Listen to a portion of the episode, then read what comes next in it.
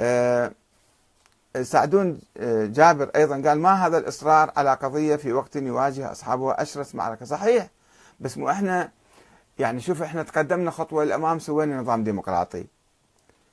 بس بقى النظام الديمقراطي آه، ضعيف وفي مشاكل وتصير هذه. فما يكون منافاة بين أن نمتن القواعد الأساسية لهذا النظام الجديد وحتى نقضي على الطائفية. نقضي على الدواعش.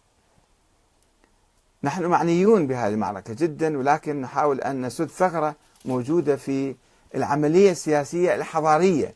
يعني مو أنا ما مشارك بالعملية السياسية اليومية ولكن التحول الديمقراطي في العراق وفي العالم الإسلامي هذا مهم يعنينا حتى نؤسس بهذا التحول بقوة وثبات.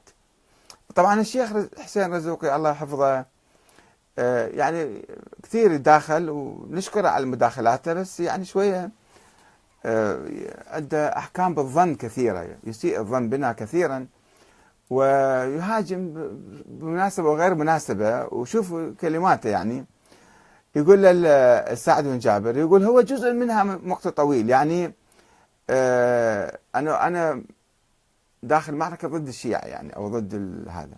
مخطئ أنت يا شيخ حسين. آه، إحنا ندافع عن شعبنا وندافع عن أهلنا وأحبابنا ولا نقبل بالتقسمه ولا لا لا نقبل بالتقسيم ولا بالفتنة الطائفية. هناك مشايخ يصبون الزيت على نار الفتنة الطائفية. وهم جاهلين ما دارسين مذهب أهل البيت ولا يعرفون مذهب أهل البيت ولا فاهمين حق الفهم فلذلك آه، يعني أسلوب مع الأسف أسلوب جدا يعني ما يليق بالشيخ. يخاطب أحد الأخوان يقول له إذا اهتديت مع أحمد الكاتب ستحاسب حساب المهتدين بين قوسين في لندن. يعني ديتهم بالعمالة والخيانة و... وهذا الظنون يعني ما أدري انت سباني عقيدتك على ظنون ما يخالف. باني كثير من نظرياتك على أوهام وخرافات. أنت حل في حل بذلك. بس ما يجوز تتهم الناس بهالصورة العشوائية والظنية.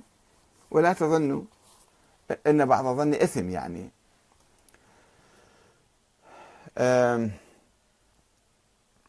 ستار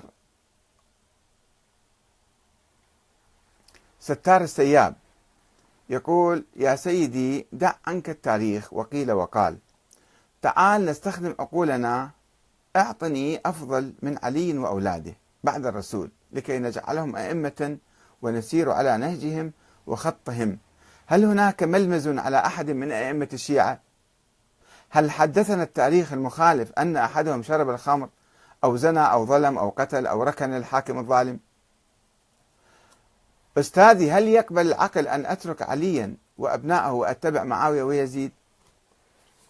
يا أخينا العزيز يا ستار السياب أنت مشتبه جدا لأنه هذا كل كلام تقوله أنا أقوله. كل كلام تقوله أنا أقوله أنا أتبنى أنا أدعو إليه. أنت مشتبهني يعني مفتهمني غلط. أنا ما أقول لك هناك أفضل من علي وأولاده. ولا أقول لك لا تجعلهم أئمة. لا بالعكس تجعلهم أئمة.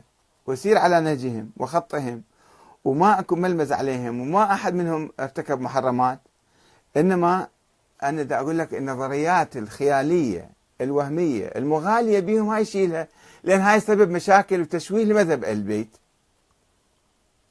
وضحك الناس علينا وبالتالي تضر علاقاتنا وحياتنا ووجودنا الآن وحتى نظامنا السياسي تخربه. هاي